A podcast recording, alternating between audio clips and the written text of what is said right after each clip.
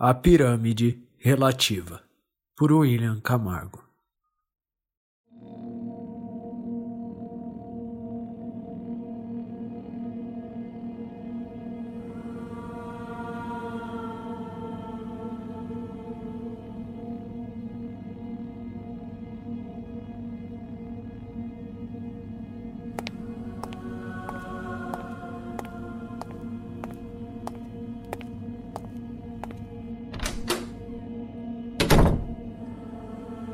Chefe, é sobre o caso das pirâmides. A gente teve uma atualização. Tá bom, tá bom. Me refresca a memória. É muita coisa para mim cuidar. Então, no meio do ano passado, alguns arqueólogos fizeram algumas leituras de calor dentro das pirâmides e encontraram alguns blocos com 6 graus centígrados a menos do que os demais, que poderia revelar alguma passagem secreta o governo do Egito não quis financiar nenhuma expedição, inicialmente, né? Mas aí depois um americano bacana conseguiu uma autorização e uma equipe para entrar. E eles entraram. Ah, tô me lembrando, os que entraram e não saíram, né? Sim, esses mesmo. Então, o departamento de ciência diz que provavelmente morreram por falta de oxigênio ou algum tipo de bactéria ou fungo. Por isso que eles não voltaram. E essa foi a versão que saiu pra mídia. Certo, certo. Agora vem a parte que a gente gosta, né? O mais. Vai, desembucha. Sim, chefe.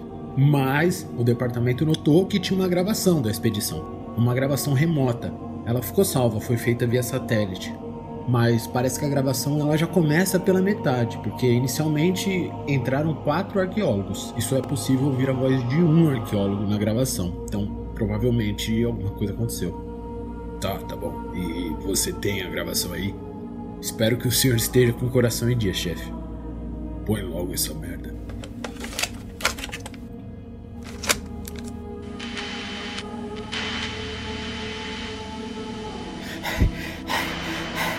Aqui é o pesquisador Isaac Amadeu. Estamos em quatro pesquisadores. Há quase 30 minutos, algum mecanismo fez com que a gente se separasse. As paredes se moveram. Aparentemente, os mecanismos, por mais que estivessem antigos, ainda funcionam. E funcionam muito bem. Eu não faço ideia da minha localização, a bússola tá completamente louca. A sala em que a gente entrou, ela teve algum acionamento e separou a gente. Fomos direto para baixo da pirâmide. É algum tipo de escadaria, eu não sei. O que foi isso? Ramon? Ana? Lisa? Tem alguém aí? Preciso correr.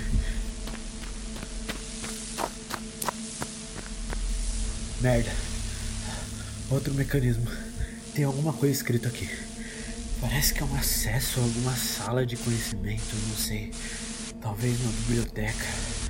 Seja o que Deus quiser.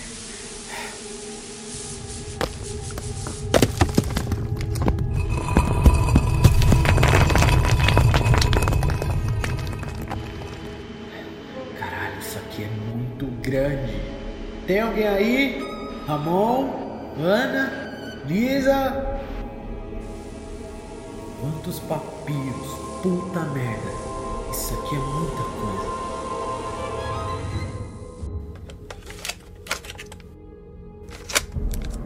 Aqui não deu para gravar mais, o sinal caiu. Por causa de alguma interferência. E aí depois ele voltou.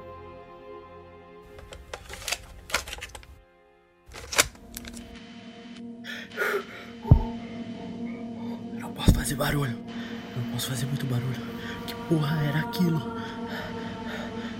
Meu Deus, me ajuda, meu Deus, me ajuda, meu Deus, me ajuda. Tem alguma coisa atrás de mim.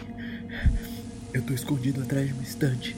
Acho que aquilo pegou os outros. Eu vi os corpos, eu não tenho certeza se eram os corpos deles. Eu não tenho certeza se eram os corpos deles, mas de quem mais seria? Meu Deus, isso aqui é uma loucura.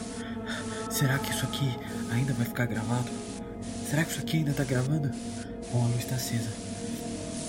Antes daquela coisa entrar nesse salão, eu consegui olhar algumas coisas e eu vi uma planta baixa. Sim, parece loucura, mas tinha dimensões, tamanhos. Para ser sincero, tinha coisa que eu não entendia. E alguma língua que eu nunca entendi. E não, não é coisa de alienígena. Não foram eles que construíram isso aqui. Não foram eles que.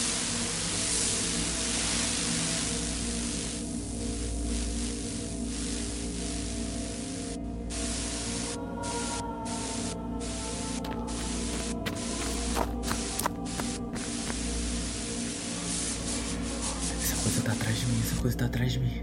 Eu vou tentar ser rápido. Enfim, tem a planta de algo e as pirâmides foram sim construídas pelos antigos egípcios. Foram, fomos nós, os seres humanos, que construímos. A questão é, elas foram construídas em cima de algo. Você já parou para pensar? Por que, que as estrelas são retratadas com pontas? Afinal, elas são bolas de energia, elas não são pontas. Eu sempre achei que é por conta da distorção da luz quando a gente olha para elas. Mas não, agora eu entendi. Então, chefe, a gravação termina aqui. Pera aí. Como que as leituras de calor não pegaram nada embaixo da pirâmide? Tá maluco? Se tivesse alguma coisa, os mesmos sensores que pegaram aquela câmera entre os blocos pegaria esses grandes blocos embaixo. Pelo jeito esse homem correu e falou de um lugar grande. Pois é, chefe. Analisando a localização do sujeito via satélite, percebemos que ele não saiu do lugar, nem um só metro. A gravação foi feita via satélite, por isso recuperamos. Ele nunca se moveu? Pois é, o GPS não registrou nenhuma movimentação. E você sabe, chefe, o GPS mostra a posição levando em consideração toda a relatividade geral, né? O tempo em que o pulso demora para chegar, o tempo que ele demora para retornar. Tudo isso é levado em consideração. A velocidade do satélite. Ok, ok, ok. E daí? Bom, aí é que tá, chefe. O satélite registrou 2 segundos de gravação. Por isso a gente não tinha avaliado antes. Para que, que a gente vai avaliar 2 segundos de gravação? Peraí, essa gravação tem, sei lá, dois ou três minutos, talvez, sei lá, um minuto e meio. É, chefe. Na nossa realidade, sim para onde esse sujeito foi, eu não faço ideia de como o tempo e o espaço funcionam.